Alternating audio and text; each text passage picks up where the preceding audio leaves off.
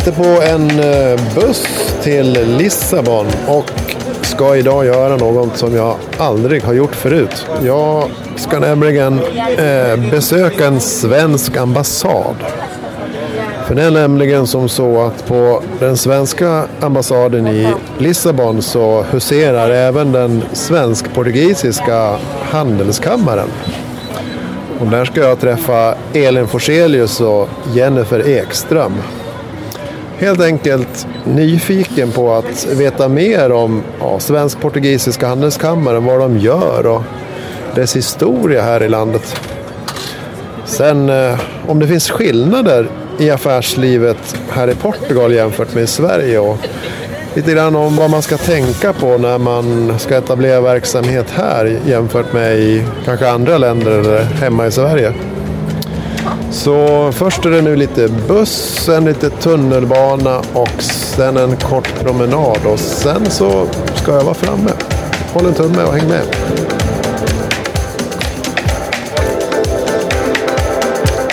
Träffa andra svenskar. Jag menar, alla gör det oavsett vilken, vilken nationalitet du har. När du flyttar utomlands så vill du gärna prata ditt eget språk och träffa landsmän och liknande.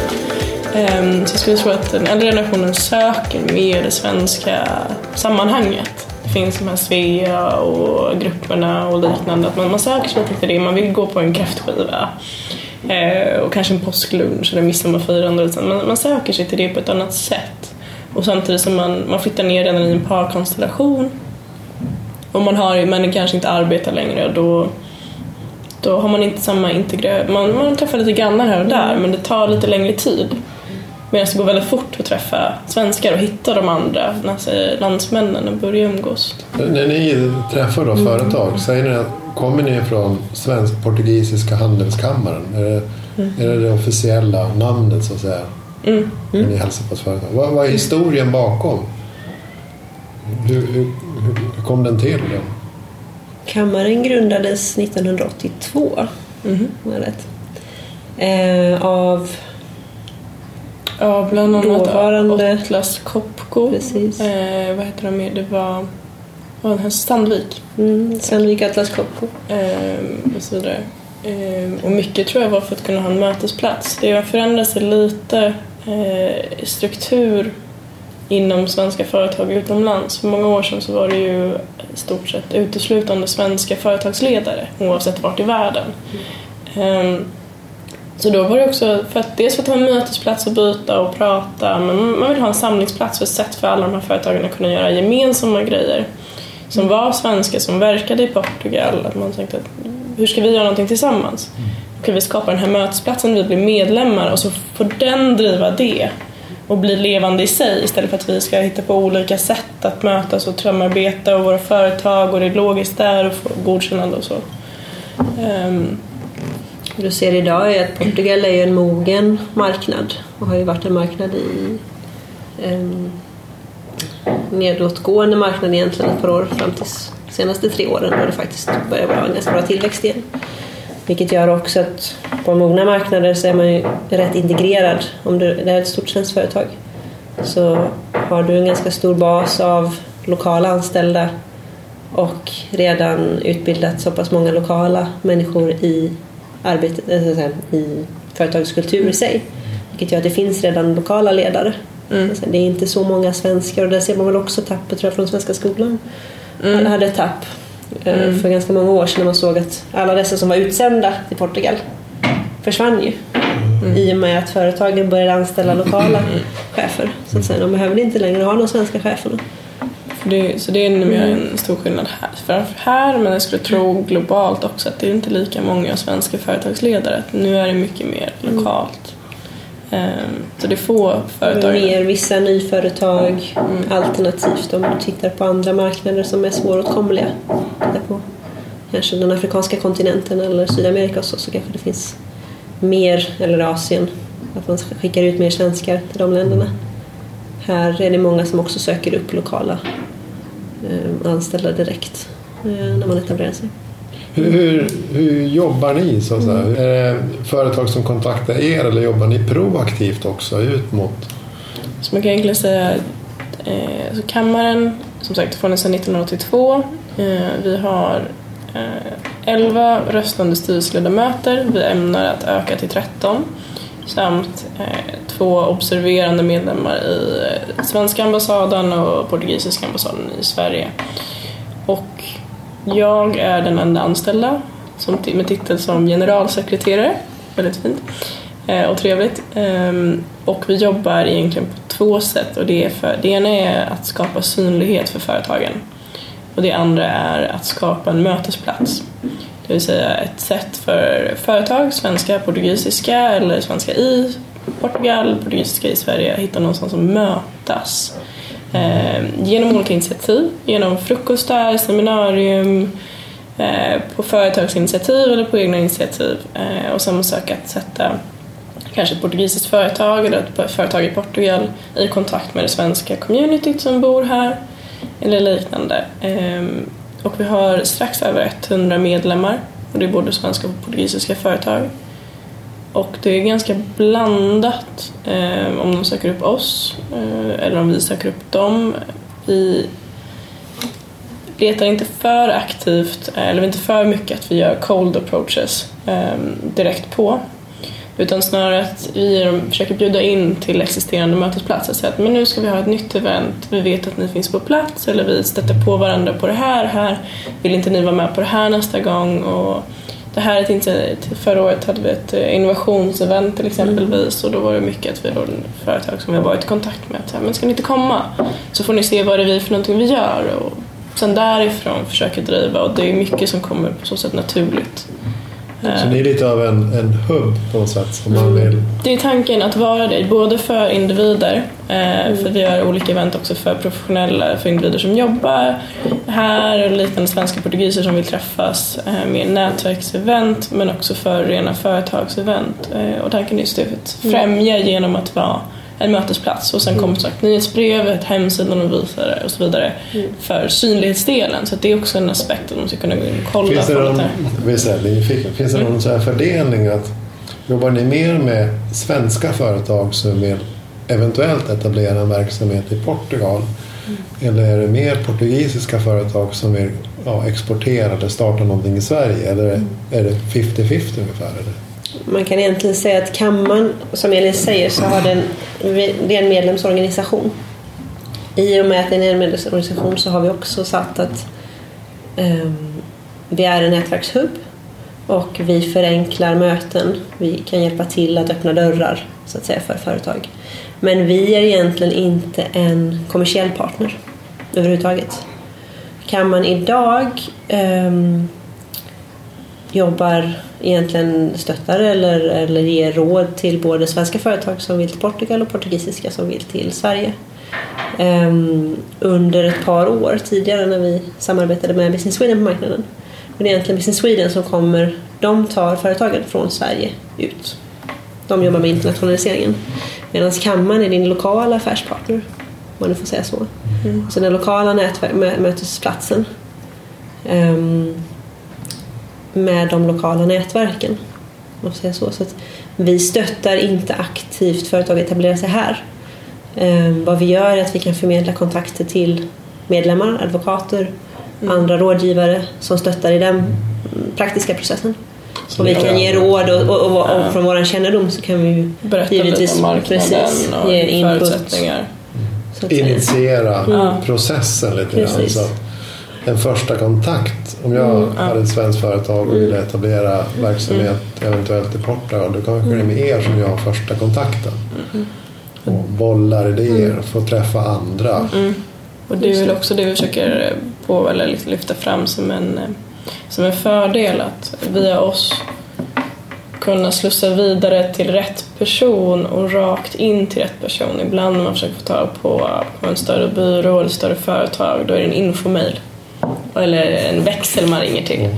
Medan att vi, vi kan ändå säga okay, men det här företaget borde du prata med eller de här tre företagen borde du prata mm. med och den här personen och det här är den personens direktkontakt.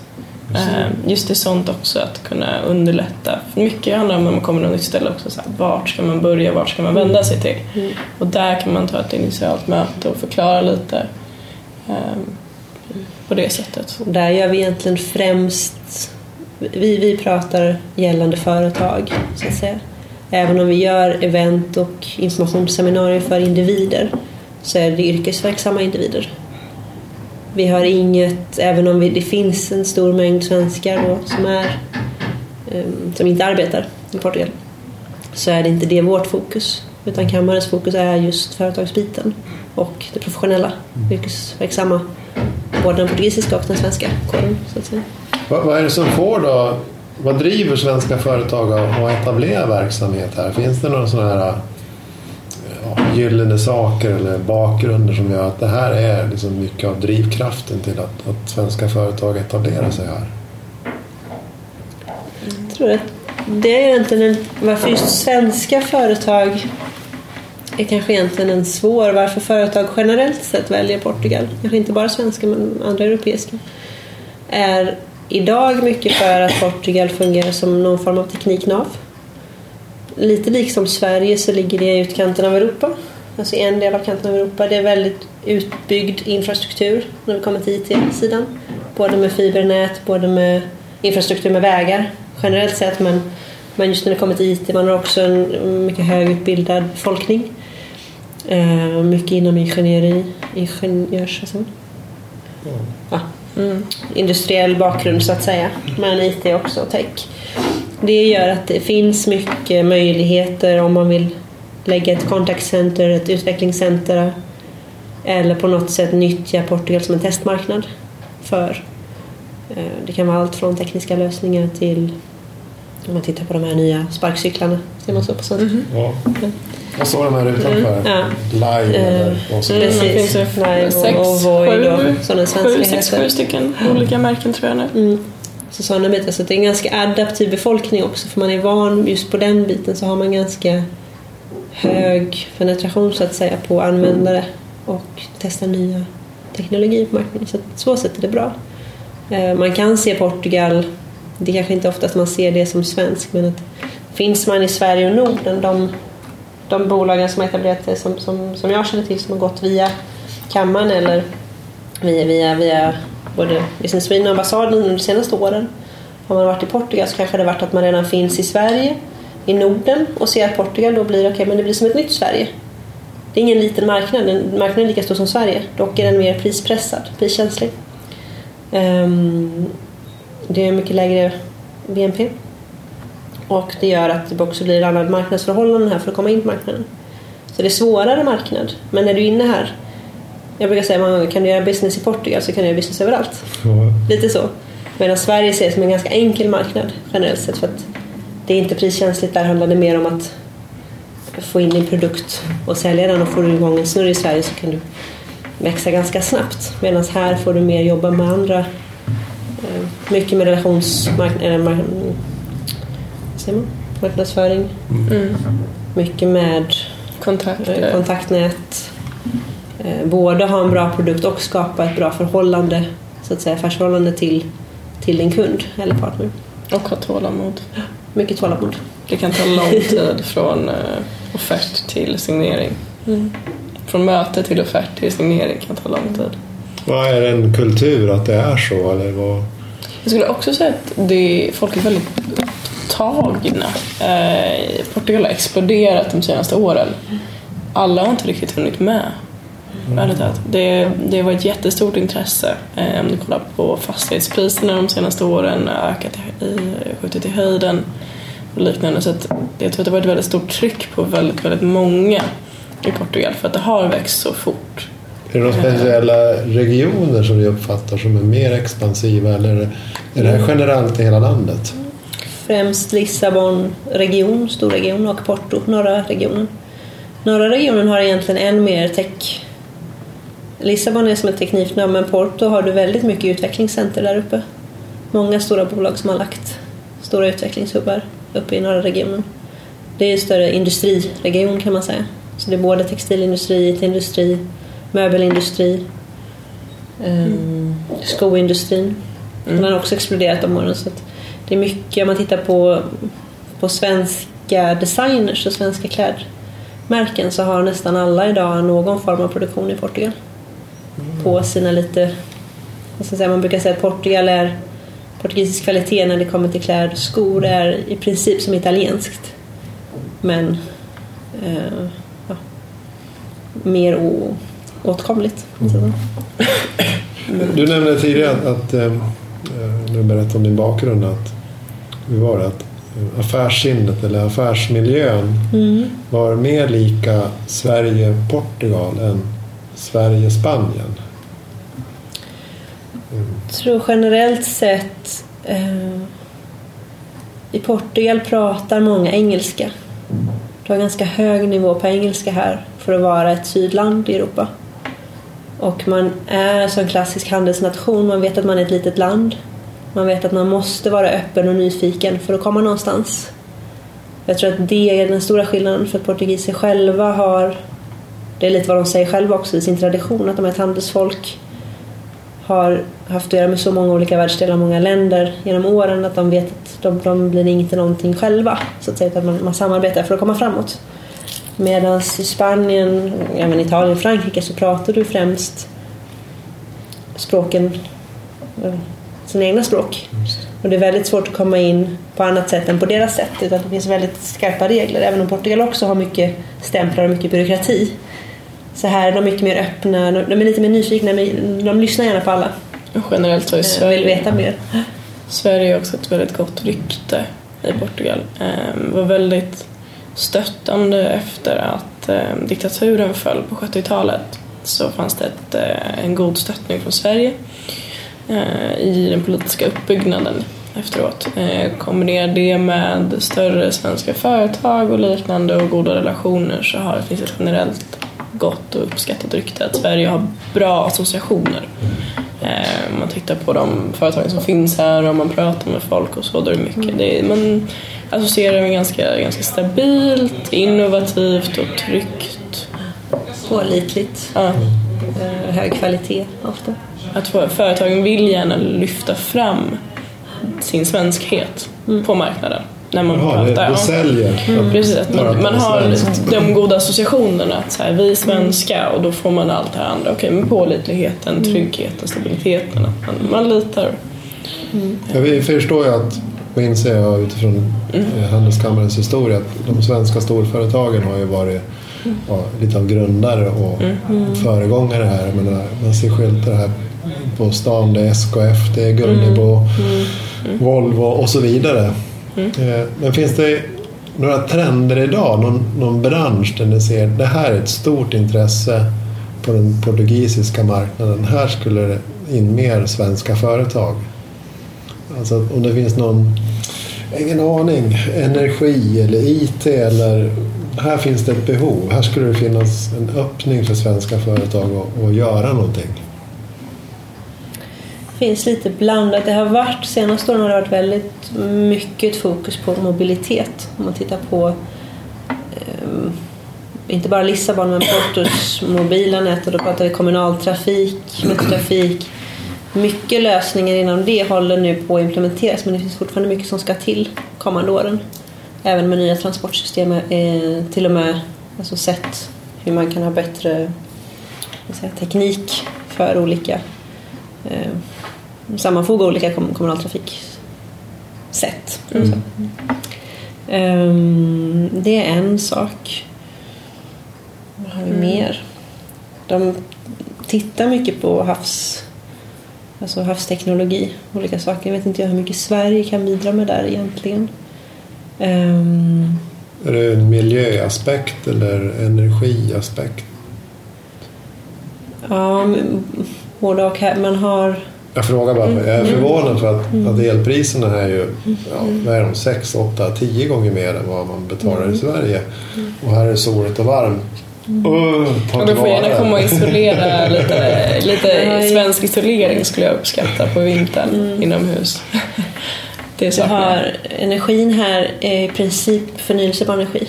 70 procent av din el är förnyelsebar el. Det finns ju ingen kärnkraft här. Så det, säga, det finns ingen billig el på det sättet eh, i landet utan allting, det är mycket, mycket solproduktion, mycket vindkraft. Eh, man har testcentra för vattenkraft också även här så att de tillsammans med, med det Skottland eller Wales och finns det något i Sverige också. Så de är ledande på de bitarna också. Ehm, så där har, de, där har vi också företag som, som just när vi tittar på solenergi och sånt, så där, där har det funnits bra möjligheter om man, om man nyttjar det. Mm. Um, IT finns det alltid, jag ska säga att techbranschen finns det oftast mycket komplement till varandra för de är väldigt, de, de utvecklar mycket själva här, vilket Sverige också gör. Men många gånger så hade det nog funnits mycket att vinna om man samarbetade på vissa bitar. Um, energi lika så. Här finns det nog um, någonting som kan vara intressant att utveckla är uh, en bättre, um, vad heter det, inte bara pantsystem men sån här Återvinning? Återvinning. Återvinningscentraler, mm. ja. Återvinning ska man kunna göra på. Det är ett land som ligger ganska högt rankat när man pratar hållbarhet och även miljö. Men just när det kommer till återvinning och panta ligger Sverige i framkant. Um, även återvinningscentraler och sånt. Så där är någonting som man kan... De gör mer och mer incitament här. Men det är också någonting som går att förbättra. Just det, ja, det inte, på den biten. För den ligger i Sverige Hemma så pantar man ju det mesta. Mm. Det är ganska unikt för Sverige. Och slänger ner ett glas. Ja. Men det finns ju inget incitament här även om det finns du ska välja röd, grön, blå, gul. gul. Mm. Så finns det liksom inget som säger varför ska jag göra det? Medan i Sverige så har du faktiskt ett ganska bra implementerat system. Alltså, ja, man för, för att välja att faktiskt gå med din, min, din, din pantflaska om du ska ge en bättre um, till panten. Mm. Så de bitarna finns det. Mm. Uh, sen finns det ganska mycket förbättring. Det handlar mycket om mm, kanske förbättring av processer och sånt också. Um, det har funnits en del, både studenter men även eh, ledare för företag som har sagt att svenskt ledarskap, alltså hur, hur vi leder i Sveriges managementperspektiv, Implementera det med portugisiska arbetare så får du en väldigt bra och produktiv um, ett utfall. Där man ser att det finns många bolag här som är Ericsson till exempel i Portugal har vunnit flera år överlag bästa arbetsplats har varit jätteproduktiva globalt sett också. Det finns andra svenska bolag som Diaverum eh, har varit ledande för sin managementteam här. De är ungefär 2000 personer. De finns i 10-15 länder. Så jag menar, många Portugal-enheter av svenska bolag ligger i framkant i den globala organisationen. Kanske inte för att de har högst revenue men på andra bitar. Med mjuka värden. Mycket mjukare värden. Mycket Portugiser är även om man tycker att de kanske att det är ett sydland så är de väldigt de jobbar hårt och de jobbar mycket. Har de bra ledarskap så gör de extremt väl ifrån sig. Så man säga. Vad, vad, vad brukar, ni, brukar ni få någon sån där eh, feedback från företag? Säg att ett företag kontaktar er och vi funderar på att göra det här. Vi ska etablera någon typ av verksamhet. Och sen kanske det går då två eller fem år och sen så visar det sig att de har etablerat en verksamhet där. Vad, vad är vanlig feedback? Vad var det som var lätt och vad var det som var oj, det där var jobbigt? Jag tror att det är dels, alltså det, det kom, tillkommer alltid lite kulturkrockar som man lär sig. Eh, man lär sig till exempel att man, om man bokar ett möte i väldigt god tid då är det bra några dagar innan att höra av sig och säga eh, är allt okej okay inför, inför om några dagar? Mm. Till exempel, vi bokade ju här för några månader sedan. Eh, hade du varit portugis hade du förmodligen mejlat mig. Idag är det tisdag, du hade förmodligen mejlat mig i slutet på förra veckan och frågat hej. Bara tänkte bara kolla allt lugnt inför tisdag. Vi ses den tiden, eller hur? Eh, vilket är någonting jag inte skulle säga förekommer i Sverige eller inte någonting jag känner ett behov av att göra när jag markerar eller bokat någonting med väldigt lång framförhållning utan man har gjort det. Eh, man kanske slår en tanke så här, borde jag höra av mig? Så bara, nej, det är klart det är bokat. Jag har ju det på mail. Eh, där kan man eh, ibland dyka upp, tror jag, i, som företagare i början. Att man kanske dyker upp på ett möte och märker att folk är lite chockade. Hör du här? Mm. Eller att någon annan inte kommer och möter upp en om mötet är hos sig. Mm. Eh, samtidigt så att sådana lite små saker lär man sig och samma sak att eh, allting i Sverige Portugal. Det kan skilja sig också hur man bestämmer någonting. Om man tycker att man har kommit till en överenskommelse. Här kan det vara väldigt bra att säga uttryckligen nu är det här bekräftat. Medan vi svenskar ibland i ett samtal kan tycka att vi har pratat om det här, alla höll med, det var bra, okej, då fortsätter vi. Och då så tänker man att det här är ju klart. Mm. Vi vet att till nästa gång så ska vi göra på det här och här och här. Medan som sagt här, då, då vill du gärna säga liksom konfirmado. Måste sammanfatta. Mm, vad har vi? Sammanfatta och gärna också det både när det kommer till kanske processer som Elin mm. pratar om eller även avtal om du gör en, en försäljning med mm. ditt företag. Det ska vara signat. Det finns idag bolag som faktiskt signar bara på mail och säger att det är okej. Okay. Men man ska alltså vara noga med att ofta få det signerat. Mm. Och många gånger ska bolaget även ha stämplat med sin företagsstämpel på. Så det Annars så ska man inte räkna att affären är i hamn. Mm. Så som, som, som svensk kan man tänka ganska snabbt att Åh, nu, men nu är han glad och tyckte mm. mötet var jättebra och det här har vi väl bestämt att vi ska gå vidare med. Det behöver inte alls vara så. Och... Lite ett ja är inte ett ja här, ett nej inte ett nej. Så kan man säga som en ganska tvärtom mot Sverige. Och att det finns en annan företagsstruktur och hierarki i det att vi, jag skulle säga att eh, många svenska bolag ger relativt stor frihet eh, åt medarbetare och ansvar. Eh, Medan här kan det vara att det behövs ett slutgiltigt godkännande ovanifrån. Att, eh, så det kan ta lite tid för den anledningen också. Att man tycker att nu har vi kommit till slutsats eller liknande och sen så slutar mötet så bara, bra, vi ska bara lägga in en, en, en förfrågan om det här internt. Det här ska godkännas av ledningen internt. Så, ja, okay. Och det kan ta lång tid för, på grund av, i och med den processen och många förfrågningar som ska godkännas internt. Eh, men så, man kan gå från ett möte och tänka att liksom, men det, här, det här var toppen, det här är klart, det kommer, vi pratade om det här, det här sker om några månader, liksom, inom några veckor så kommer det här liksom, ske. Mm. Och det kan ta många månader, det kan ta ett år innan de säger så här, ja ah, men du, det, nu har det gått lite tid sedan vi hade vårt möte men, men nu kör vi på det här. Mm. Oh. Så att det kan ta väldigt man större order så ska man nog räkna med absolut minst ett halvår försäljningsprocess. Mm. Vad det än gäller. Men, sagt, men när, det väl, när det väl lossnar då kan det lossna rätt ordentligt och rätt fort och komma på ruljangset.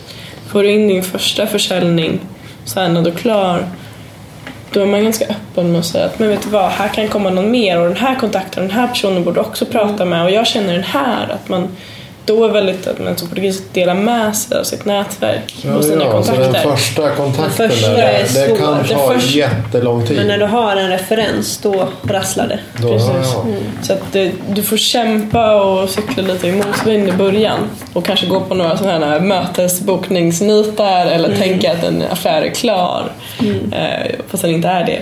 Mm. Men det, är tålamod och is i magen. Men och ge inte upp om inte polisen uttryckligen sagt nej, då ska du aldrig ge upp. Men man säger nej i varje fall. Man säger nej om man inte är intresserad. Det gör man. Annars kan det bli en sån här mm. never-ending story. Man mm. tror att det eventuellt ska bli någonting. Mm. Är man inte intresserad och Om man mot offentlig sektor då kan det bli en ganska never-ending story. Då får man nog räkna med över ett år i process. Kanske ännu längre två mm. Då tar det längre tid. Beroende på vad det är för produkter och tjänster man säljer givetvis. Så. Det är bra att ha lite mellansnack också, inte bara gå in och prata produkt en kvart och sen lämna utan ta gärna 45 minuter, och timmars möte. Är... Du pratar kanske om ditt fotbollslag, du kan prata om varför du tycker om Portugal. Mm. Fråga vad den personen i sig gillar så att du inte också säger någonting som du kanske inte borde.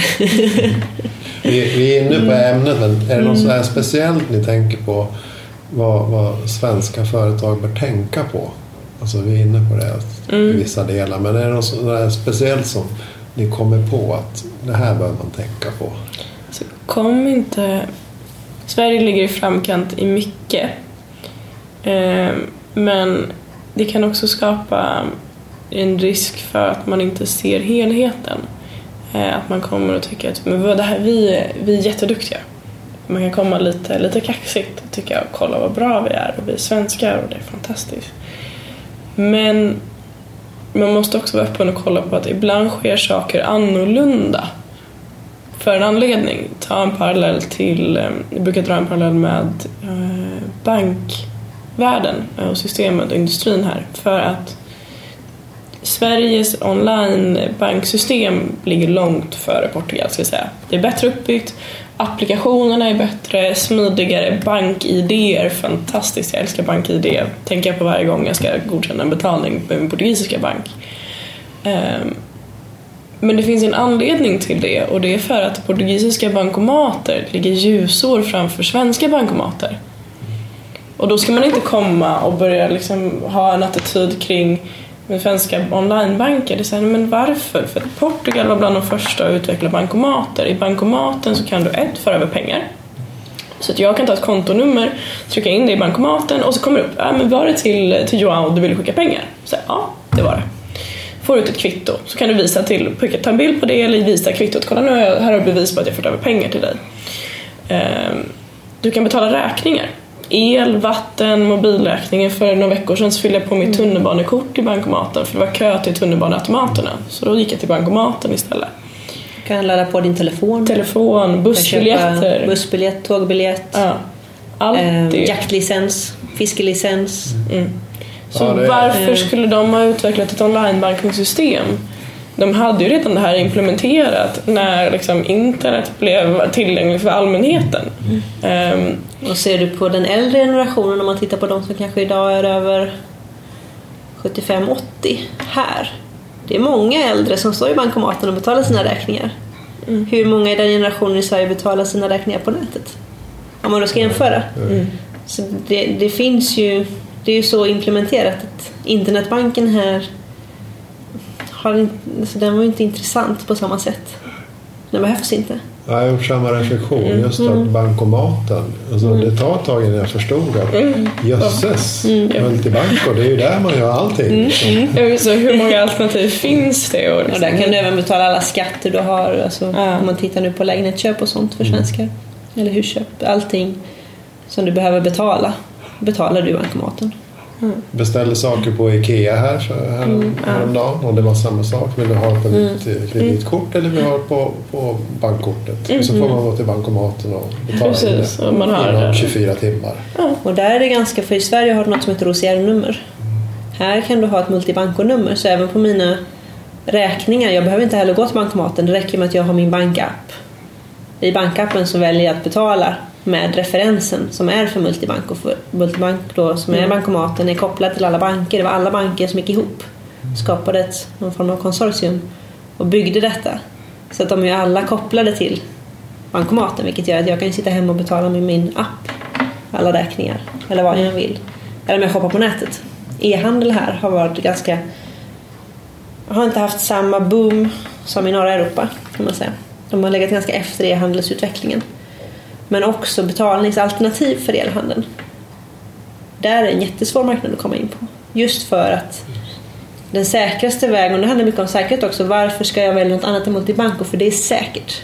Mm. Du kan till och med här välja att jag betalar när jag får varan levererad.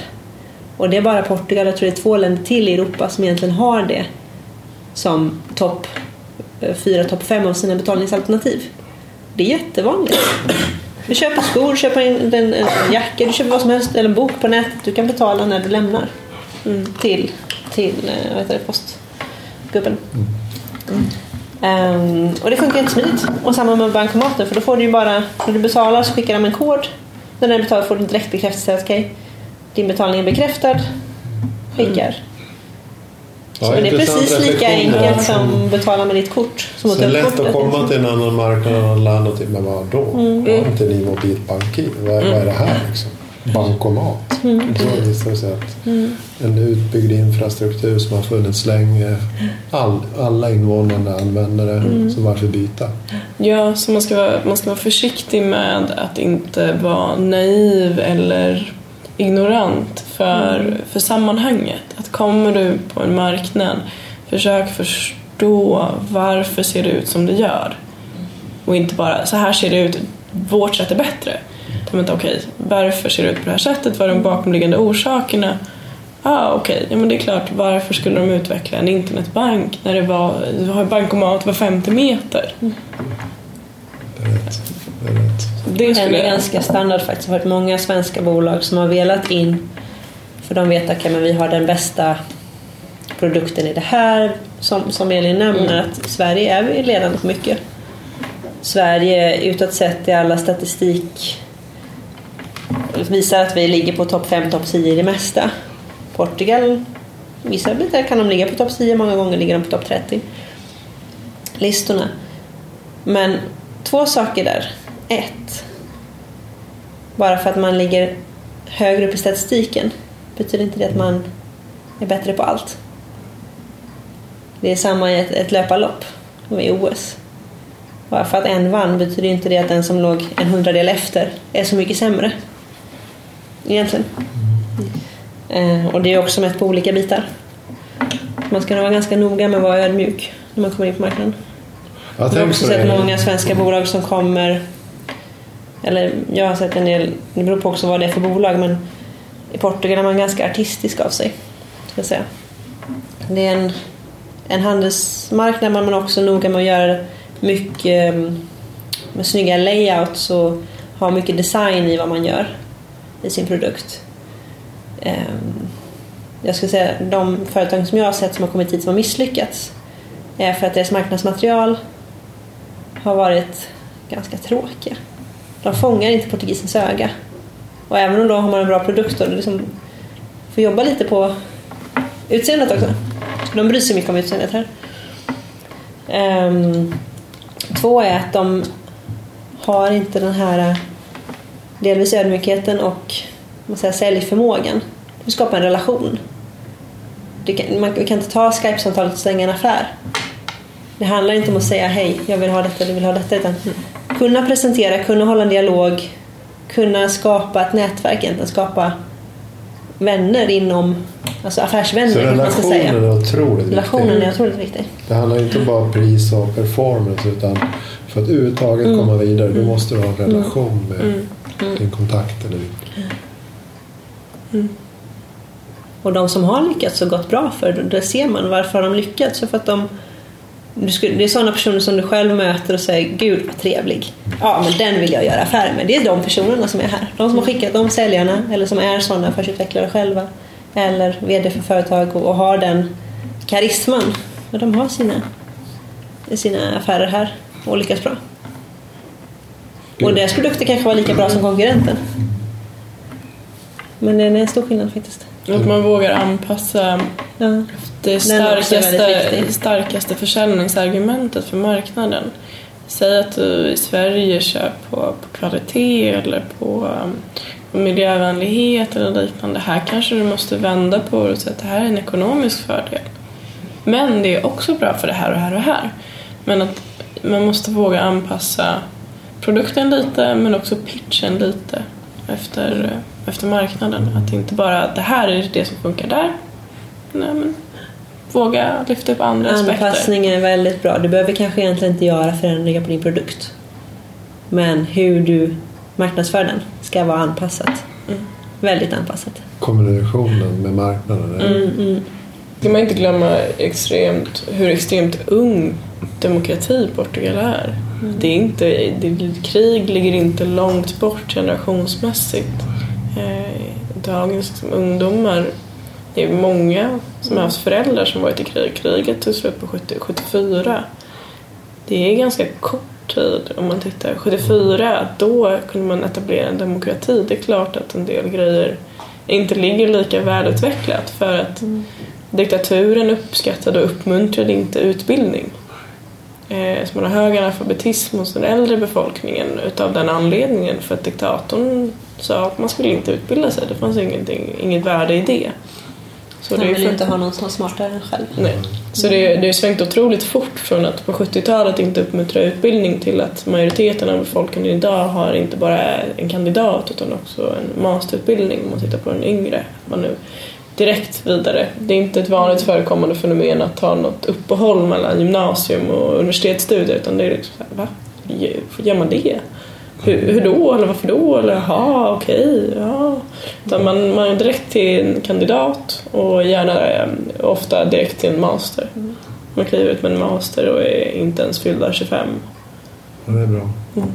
Och man behärskar engelska till fullo vilket gör att det är enkelt för sådana som mig att ta sig runt. Precis, man är ju ett, ett land i periferin. ett handelsland men också att man aldrig haft dubbad TV till exempel. Allting har alltid varit på originalspråk Mm. med textning. Det är både av ekonomiska skäl eh, från början att man inte hade råd att dubba allting. Men det har ju också skapat en mycket högre eh, Mm. Men Spanien, det, det var ju en stor grej. Spanien just med dubbningen. Jag har också bott där ett tag. mm. Det gör Så ju det en är stor ju skillnad. det är väldigt bra så för befolkningen för de kan ju då förstå lättare språk, Mm. andra språk. Portugisiska i sig är ett ganska svårt språk Ja, det är jättesvårt. Alltså, på det sättet. En sak som jag tänkte på som vi inte pratade om mycket är just det här med tekniknavet och att man kan ha det som en hubb eller en brygga till andra marknader. Eh, Portugal och egentligen de senaste åren regeringen här gjorde en hel del incitament under krisåren, alltså från runt 2011, 2012 ungefär. Ehm, har man gett möjlighet till företag som etablerar sig här att också kunna få stöd för att från Portugal etablera sig till andra marknader. Man har också sänkt en hel del skatter. Om man vill ta in och lägga sina fabriker här så kan man få ansöka om lägre skatt ett visst antal år för att kunna anställa fler. Det finns lägre flat rate tax på olika sorters anställningar. Om du då har olika så att säga, outsourcing-delar i Portugal. Så de har ju kämpat mycket för detta i många år. så det finns många incitament här. Precis, samtidigt då som också den stora techkonferensen Web Summit kom till Portugal. Ehm, Så det har ju Mo och även den som kallas den här januarstatusen som egentligen inte var gjord för pensionärer utan den är gjord för investerare och företagsledare. Eller portugiser som jobbat Portugiser. utomlands i många år, att de ska komma tillbaka hem. Om man har sett okej nu har jag varit utomlands många år, då har jag fått väldigt mycket värdefull erfarenhet. Kom hem. Man ville egentligen för att under krisåren så sa dåvarande presidenten att flytta ut, samla kunskap och kom sen tillbaks. Och det är det då som man vill. Man vill ska ta hit talanger igen, att de sätter upp vad de har lärt sig utanför eller tar med de företag de har byggt upp utomlands och hjälper då att bygga upp landet här. Så det har egentligen varit de stora dragkrafterna som man ser idag också. För idag finns det många, jättemånga investerare i Portugal. Jag tror att det är det som missas lite i Sverige ibland, att man, man tänker mycket Norden i Sverige. Även om man jobbar mycket med export så är det väldigt mycket nordiskt fokus, nordiska investerare. Här får du redan genast tillgång till mycket mer, vad ska jag säga, kan vara allt från amerikanska till afrikanska till asiatiska. En väldig mix av global nätverk i, i, i Portugal. Och lätt att jobba på global nivå härifrån. På ett annat sätt. Du kan ju inte svensk skattelagstiftning men det har ju varit en del rubriker i massmedia kring Mm. just beskattning av utländska medarbetare hos Spotify eller Google. Att, att det är otroligt dyrt. Och, och, ja, man blir högt beskattad Mm. för att göra det. Liksom. Men här lockar man ju istället då till Mm. att etablera det här. Det är en annorlunda syn. Mm. Man vill ha talangen för att på ett sätt så ja, du kan få en lägre skatt kanske på din, ditt arbete eller på ditt företag. Men å andra sidan, fastigheter här är mycket högre beskattade än i Sverige. Så en person som investerar i bostad i Portugal har nog redan då betalat mer än, mycket mer i skatt än vad man skulle gjort om man hade haft den skatten på inkomsten. Just det. Så att i slutändan så har du ganska mycket högre skatt här på det sättet. Samtidigt som att den normala skattesatsen här för, för, för arbetande portugisiskt anställd ligger ungefär som svenska skatteskalan. Med skillnaden då att du har lägre grundlöner och, och får jobba dig upp då men den progressiva skalan är ganska lik. Så det är ingen större skillnad eh, i hur mycket du betalar i skatt. Mm. Det är ju också ganska, det är enormt stor skillnad på lönenivåerna också. Eh, minimilönen, eh, den höjdes till 600, 600 i år, euro i månaden eh, innan skatt. På 14 månadslöner, men slå ut det så hamnar det väl kring 700, 700 euro innan skatt i minimilön. Så att det, det kan ju också finnas ett annat behov av sådana här reformer för att locka tillbaka för att lönenivåerna är väldigt skilda. Spännande. Stort tack för er tid. Själv.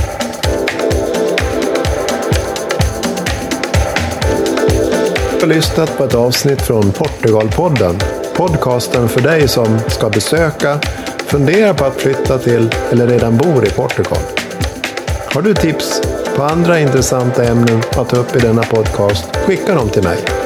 Du hittar mina kontaktuppgifter på portugalpodden.se. Tack!